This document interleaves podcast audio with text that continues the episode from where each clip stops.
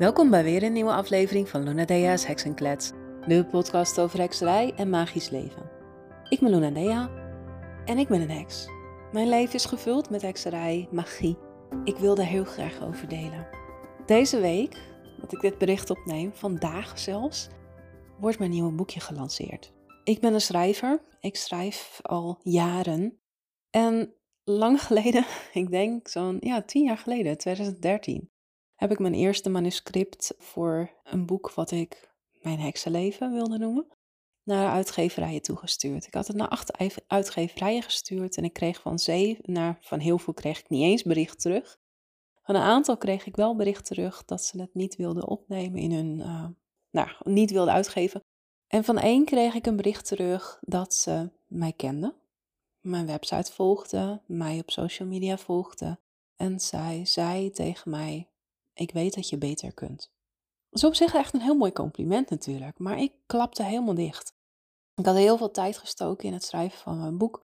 En toen zei ze, ik weet dat je beter kunt. Dus eigenlijk, met andere woorden, je moet het herschrijven. Dat lukte me niet. Ik, ik klapte helemaal dicht. En ik heb toen heel lang niet geschreven. En in 2016 of zo, toen, uh, toen dacht ik ineens, ja, mijn grootste droom is nog steeds om een boek uit te geven dat mailtje dat borrelde weer omhoog, dat zinnetje van ik weet dat je beter kunt. En ik durfde niet meer om mijn boek te herschrijven en naar een uitgever te sturen. In plaats daarvan ben ik mijn eigen boeken gaan uitgeven. Mijn kleine, handzame heksenboekjes van hooguit 60 bladzijden. Booklets noem je dat. En dat ben ik gaan doen. Ik heb daarvoor een lijst gemaakt van de meest gestelde vragen. En van elke vraag ben ik een boekje gaan maken.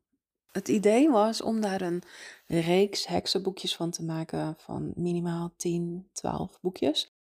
Om dan één of twee boekjes per jaar uit te geven. Nou, dat ben ik gaan doen. 2016 zijn er geloof ik twee boekjes uitgekomen. 17 ook één boekje. 18 één boekje. Nou, uiteindelijk heb ik um, zes boekjes uitgegeven. Tussendoor ben ik benaderd door Ank Hermers of ik boeken voor hun wilde schrijven. Want ze hadden stiekem mijn boekjes gekocht en gezien dat ik inderdaad al kon schrijven. Dus ik was geen onbekende die een manuscript inleverde, maar ik was ineens iemand die gevraagd werd om een manuscript in te leveren. En zo zijn er ook nog twee grote boeken uitgekomen. Maar ja, goed. Omdat die grote boeken geschreven moesten worden, 60 bladzijden is eigenlijk helemaal niet heel veel natuurlijk, in vergelijking met een pocket. Maar omdat die pockets geschreven moesten worden, ben ik gestopt met kleine boekjes schrijven. Dus ik had er gewoon geen tijd meer voor. Nou, van het jaar, afgelopen jaar zat ik te denken, ja, het, het wordt gewoon echt tijd. Het is drie jaar geleden dat mijn laatste kleine boekje uitgekomen is. Of ja, ik noem het kleine boekjes, maar het zijn gewoon booklets natuurlijk. Drie jaar geleden, dus het werd echt wel weer tijd. Ik heb nu een boekje geschreven over koffie- en theemagie. En vandaag, dat ik dit opneem, donderdag de 22e is het vandaag? 23ste. Ja. en dan, vandaag komt mijn boekje uit. Vanaf uh, ergens 10 uur vanochtend kunnen mensen mijn boekje gaan bestellen. Maar het gaat dus over koffie en theemagie. En dat is niet een van de meest gestelde vragen. De meest gestelde vragen heb ik ondertussen wel beantwoord in mijn boekjes. Eh, een boekje over wat is hekserij, dagelijkse hekserij. Dus dat is de vraag van hoe, hoe begin je, hoe kan je meer hekserij in je leven toepassen kwamen altijd heel veel vragen over beschermingsmagie. Hoe moet ik mijn huis beschermen? Hoe moet ik mezelf beschermen? Dus dat is boekje 3. Daarna ben ik overgegaan op maanmagie. Dus ik heb boekje 4 en 5 gaan over maanmagie. En boekje 6, ja, toen ben ik overgestapt op, de, op andere vormen van magie dan meestal worden toegepast. Meestal is het iets van loslaatmagie of kaarsenmagie. Of, je, dat, dat zijn de meest uitgevoerde vormen van magie. Wensmagie. Ik ben toen over de ketel gaan schrijven, een boekje 6. Uh, je kan ze in alle volgordes lezen, hè? maar voor mij is dat het zesde boekje wat uitgekomen is. En nu, eindelijk na drie jaar geen, geen kleine booklets uh, geschreven te hebben, is er koffie en theemagie. Want dat is een hele leuke vorm van magie of divinatie eigenlijk, waar maar helemaal niet zoveel over bekend is. Tenminste, er is wel veel over bekend, maar in, als ik om me heen kijk uh, naar alle studenten, naar alle heksen die ik ken, zijn er maar heel weinig die iets doen met tassiografie. Dat is het dure woord voor uh, het lezen van ja, de achterblijfselen van als je iets drinkt. Meestal is dat theeblaadjes of koffiedik, maar het kan ook het achterblijfsel zijn van uh, bijvoorbeeld in je wijnglas. Maar goed, er zijn maar heel weinig heksen die iets doen met tassiografie. Terwijl als jij ja, het beeld oproepen van een heks of iemand die divineert, dan heb je vaak het beeld, dan komt toch het, het eeuwenoude beeld omhoog van de waarzegger op een kermis die theeblaadjes leest of in een glazen bol kijkt. Maar in de praktijk zijn er niet zoveel heksen die nog theeblaadjes lezen. Theeblaadjes lezen komt ook gewoon voor op, op Hogwarts bij Harry Potter. In de torenkamer leren ze theeblaadjes lezen. En dan ziet hij de hond in zijn kopje. En de, de lerares wordt helemaal angstig en bang, want het zou de grim zijn, de, de narigheid die je gaat achtervolgen. Dus ook in Harry Potter komt het gewoon voor als een veel voorkomend iets wat bij hekserij zou horen. Nou goed, de praktijk is anders, dus ik dacht, daar ga ik een boekje over schrijven, want het is gewoon een hele leuke vorm van divinatie. Theeblaadjes lezen of koffiedik kijken wordt dus tassiografie genoemd. Tassiografie is het zien van symbolen in dat wat achterblijft in jouw kopje nadat je het drankje hebt opgedronken. Het is een hele oude vorm van divinatie, een van de oudste vormen zelfs. En dat is natuurlijk, ja, misschien de oudste is denk ik iets van uh, de vlucht van vogels bekijken of symbolen zien in wolken. Ja, wat de oudste vorm van divinatie is, dat is natuurlijk niet te zeggen, omdat er een heel stuk geschiedenis is waar geen geschreven bronnen van zijn. De oudste vermeldingen van tassiografie komen uit 400 ongeveer. Um, de, er wordt veel theeblaadjes gelezen of koffiedik gekeken in de Baltische en Slavische landen. En je ziet het heel veel terug in de Oosterse landen, omdat daar ook het koffiedrinken vandaan komt. Het is op een gegeven moment is het populair geworden in Europa toen koffie en thee vanuit andere landen naar Europa gebracht werd. Dat is rond 1400. Rond 1400 in de Victoriaanse tijd, toen thee naar Europa gehaald werd en het vooral onder de gegoede burgers, de elite, ontzettend populair werd om thee te drinken, is ook het lezen van de achterblijfselen van de thee in het kopje is ook meegekomen. En vooral onder de Victoriaanse vrouwen was het ontzettend populair om theeblaadjes te lezen. Je hebt er ook helemaal niet voor, niks voor nodig. Het is ook niks. Je hebt er wel wat voor nodig, maar niet veel. En dat wat je ervoor nodig hebt, dat heb je al. Want je bent al thee aan het drinken. Je hebt al een kopje met thee. Het enige wat je hoeft te doen is dat wat achterblijft te interpreteren. Nou, wat heb je er dan precies voor nodig? Je hebt een theekopje nodig en thee maar niet de zakjes die we nu gebruiken, maar de losse thee. Je hebt een wijd uitlopend kopje is beter dan een mok. Want tegenwoordig wordt er heel veel uit mokken gedronken. Maar mokken zijn natuurlijk, hebben een vrij rechte band, rand naar beneden toe. Dus dan heb je eigenlijk dat de overblijfselen alleen onderin blijven liggen. Als je een wijder uitlopend kopje hebt, zoals vroeger natuurlijk sowieso gebruikelijk was, met een schotel, dan heb je meer oppervlak waarop ja, de resten kunnen blijven liggen en niet alleen gecentreerd in het midden. Dus ik raad je aan als je het interessant vindt om theeblaadjes te gaan lezen of koffiedik te gaan kijken. Met koffiedik is het net zo hetzelfde. Ik zal het vooral over theeblaadjes hebben, omdat het ja, iets makkelijker vertellen is. Maar alles wat ik zeg over theeblaadjes lezen geldt exact hetzelfde voor koffiedik kijken. Je hebt dus een wijd uitlopende kop met schotel nodig en losse thee of los koffiegruis. Dat doe je onder in de kop, giet je water op, laat je trekken 3 tot 5 minuten, ligt aan welke thee. En dan uh, drink je het restant, of ja, drink je de thee op. Je laat een beetje thee over. Dat is sowieso wel handig, want anders dan zit je echt met al die theeblaadjes in je mond. Is niet lekker natuurlijk. Je laat een beetje thee achter in het kopje. Dat draai je drie keer met de klok mee. Legt het schoteltje eroverheen, over de kop heen en draait het geheel om. Waardoor dus het restantje op het schoteltje terechtkomt, maar de blaadjes in het kopje blijven liggen. En dan ga je interpreteren. Je draait het kopje dan terug. Je ziet de blaadjes er nog in zitten, plakken aan de onderkant en aan de wand. En dan ga je interpreteren. En dat is het stuk wat de meeste mensen het allermoeilijkst vinden: het interpreteren, het divineren zelf. Divineren of divinatie is de term voor het voorspellen, ja, voor een voorspelling, voorspellingstechniek betekent het eigenlijk. En er zijn heel veel vormen van divinatie. Je kan eigenlijk alles interpreteren, alles om je heen. Ja, wolken interpreteren, dat doen kinderen uit zichzelf intuïtief, allemaal vormen erin zoeken. En het vormen zoeken in de wolken, dat is een divinatiemethode. Als je vervolgens betekenis en symboliek gaat koppelen aan die vormen. En, uh, maar je zou ook bijvoorbeeld de gevallen blaadjes op de stoep kunnen interpreteren. Je zou ook de, ja, de vormen in de spiegel, als je gedoucht hebt en de spiegel is helemaal beslagen, zou je daar ook iets in kunnen zien natuurlijk. Je zou een draadje, als je aan het breien of haken bent en je hebt draad en het valt op de grond en de vorm van het draadje zou je kunnen interpreteren. Alles om je heen zou je kunnen interpreteren. Alleen jij kiest er zelf voor om te zien of er ergens symboliek in zit. Nou, hetzelfde is dus met theeblaadjes lezen of koffiegruis interpreteren.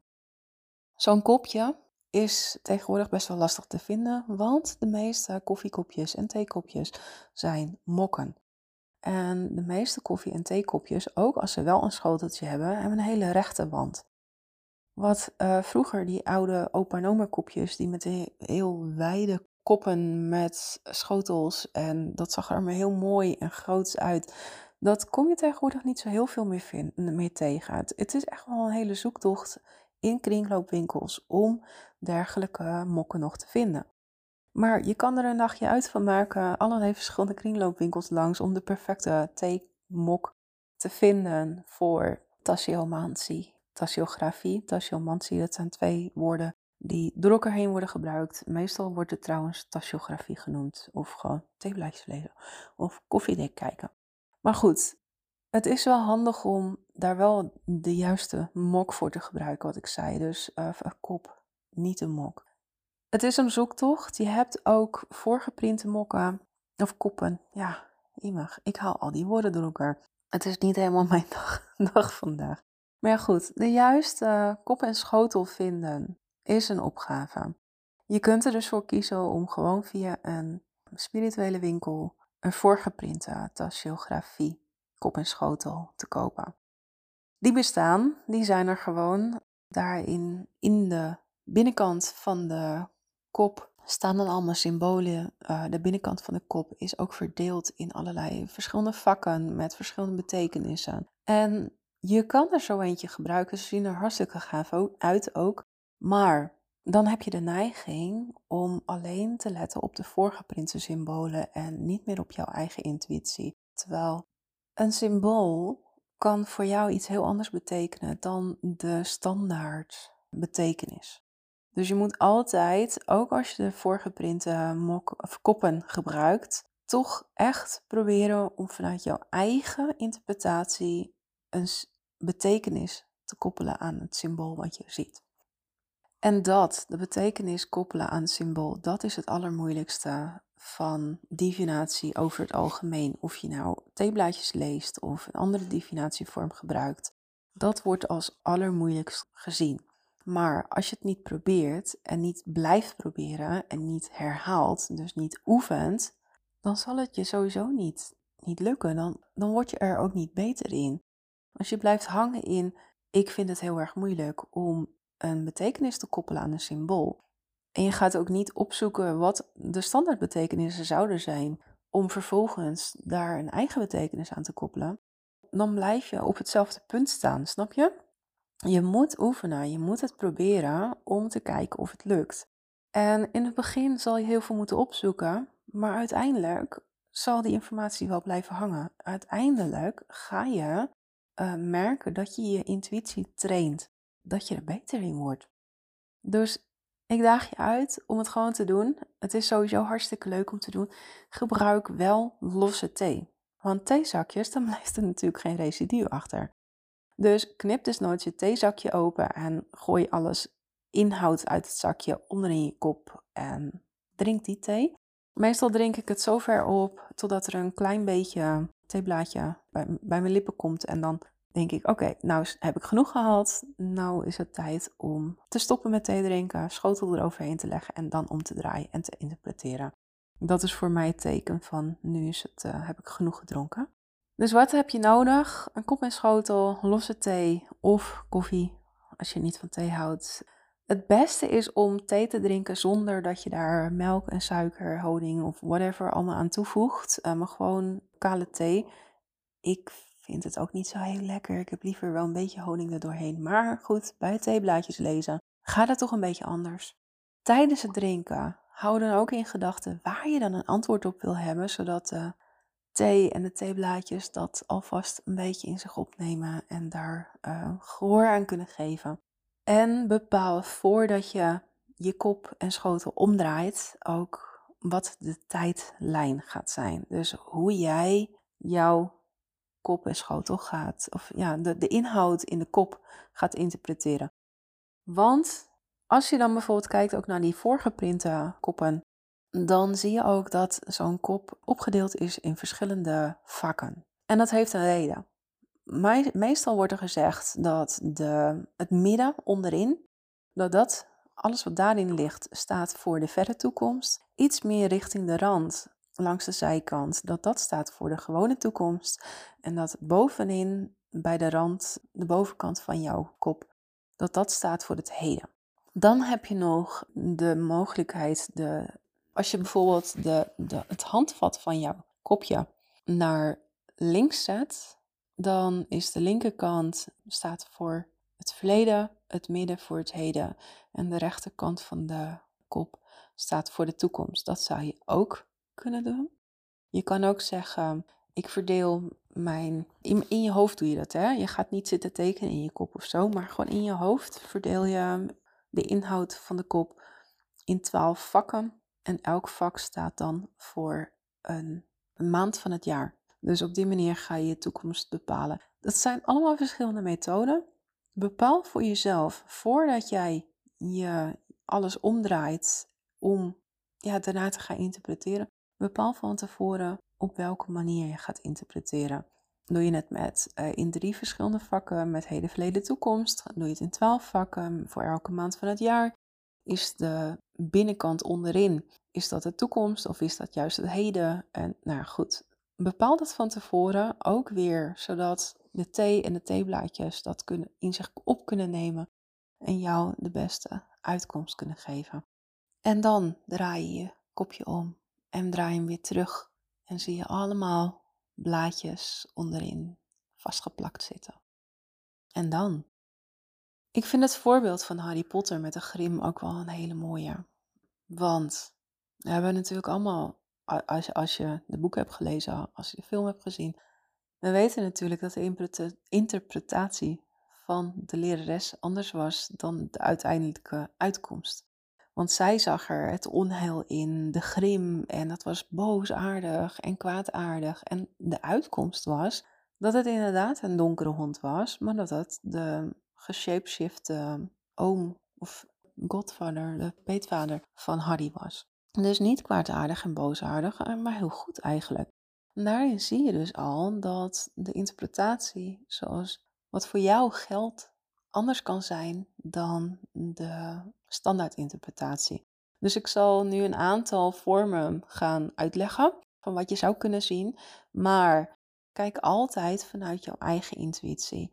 Want bijvoorbeeld, nou ja, in het geval van een hond, meestal staat een hond voor trouw en loyaliteit. Maar ik zeg altijd, als jij gebeten bent ooit door een hond, dan staat een hond voor jou niet meer voor trouw en loyaliteit. Dan is dat heel wat anders. Dus kijk altijd vanuit jouw eigen interpretatie en probeer gewoon ook voor jezelf te bedenken van, hmm, ja, ik zie nu iets wat lijkt op golven, maar wat betekent dat voor mij? Want in het geval van theeblaadjes lezen zie je in allerlei staat, uh, ja, je, je, hebt heel veel afbeeldingen. Zeker als je op Pinterest kijkt en dan in het Engels intypt uh, symbols, tea leaf reading, dan krijg je allerlei afbeeldingen met heel veel betekenissen daarbij. Maar als bijvoorbeeld in zo'n standaard betekenis staat, uh, golven staat voor reizen, maar voor jou staat de zee juist voor, voor, daar voel ik me thuis. Dat is een thuiskomen, dat is terug naar mijn oer, naar mijn oorsprong. Dat is heel wat anders dan reizen. Dus in die zin zeg ik, probeer altijd voor jezelf te bedenken, wat betekent dit voor mij?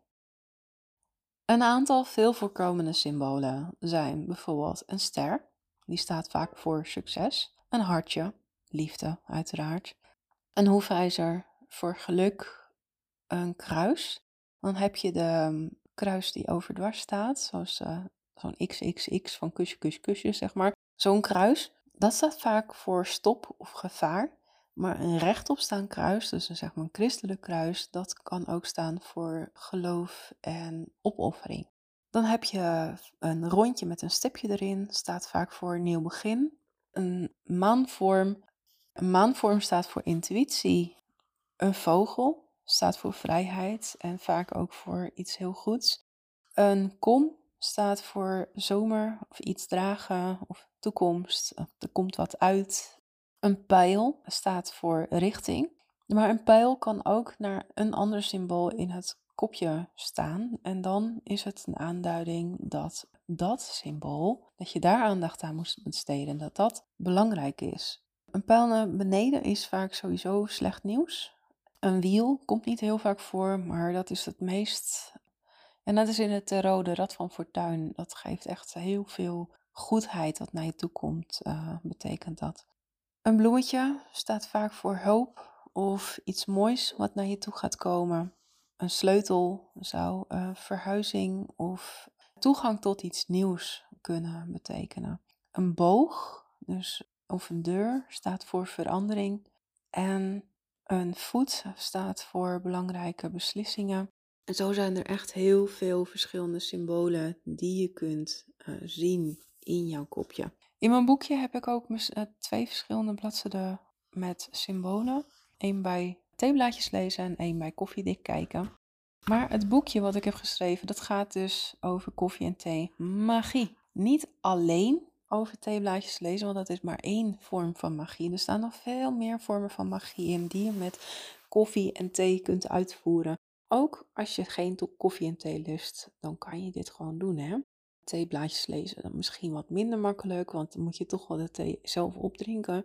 Maar dat betekent niet dat je helemaal geen koffie of thee magie kunt uitvoeren. Want thee is natuurlijk gemaakt van kruiden en met kruiden kun je ontzettend veel doen.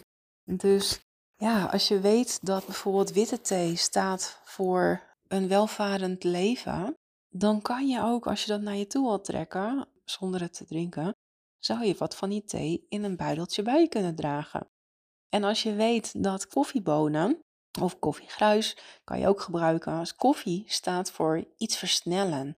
Dus als er iets is in je, in je leven of gewoon iets in het algemeen wat je wil versnellen, dan zou je daar magie voor kunnen uitvoeren en koffiebonen bij kunnen gebruiken. Leg dat op je altaar terwijl je een briefje hebt waar je op hebt geschreven wat je wil versnellen. Leg daar koffiebonen op. Dat soort magie en magische tips staan er ook allemaal in dat boekje. Dus ik zeg, uh, ik heb er ook bij staan, ook als je niet van koffie of thee houdt. Nou ja, goed, tot zover over tasseografie. Het is een hele leuke vorm van divinatie en het allerbelangrijkste is om te interpreteren, om de symboliek eigen te maken. Om, om je te trainen, jezelf te trainen in het zien van die symboliek. Dat is het allermoeilijkste van divinatie. Maar als je dat kunt, dan maakt het niet uit of je met koffie divineert, of je met thee divineert, of je met blaadjes buiten divineert, of je de vormen in de wolken interpreteert. Als je symbolisch kunt kijken, dan kan je divineren. Dus schenk jezelf een uh, fijne kop koffie of thee in en werk wel met losse koffie en thee. Drink het op, interpreteer wat je in je kopje ziet. Ik vind het een ontzettend leuke vorm van divinatie, omdat je dat toch wel in huis hebt. Tenminste, ik wel. Nog een uurtje, dan is het tien uur. Dan gaat het boekje live online de shop in. Ik ben heel benieuwd uh, hoeveel van jullie koffie- en thee-magie gaan uitvoeren. Mocht je nu denken, hmm, lezen, leuk stuur me gerust een foto van jouw kopje. Als je wil weten wat ik erin zie. Vind ik leuk. Ik kijk er wel even naar. En dan wens ik je voor de rest heel veel plezier. Dankjewel voor het luisteren. En tot de volgende keer maar weer. Doei doei.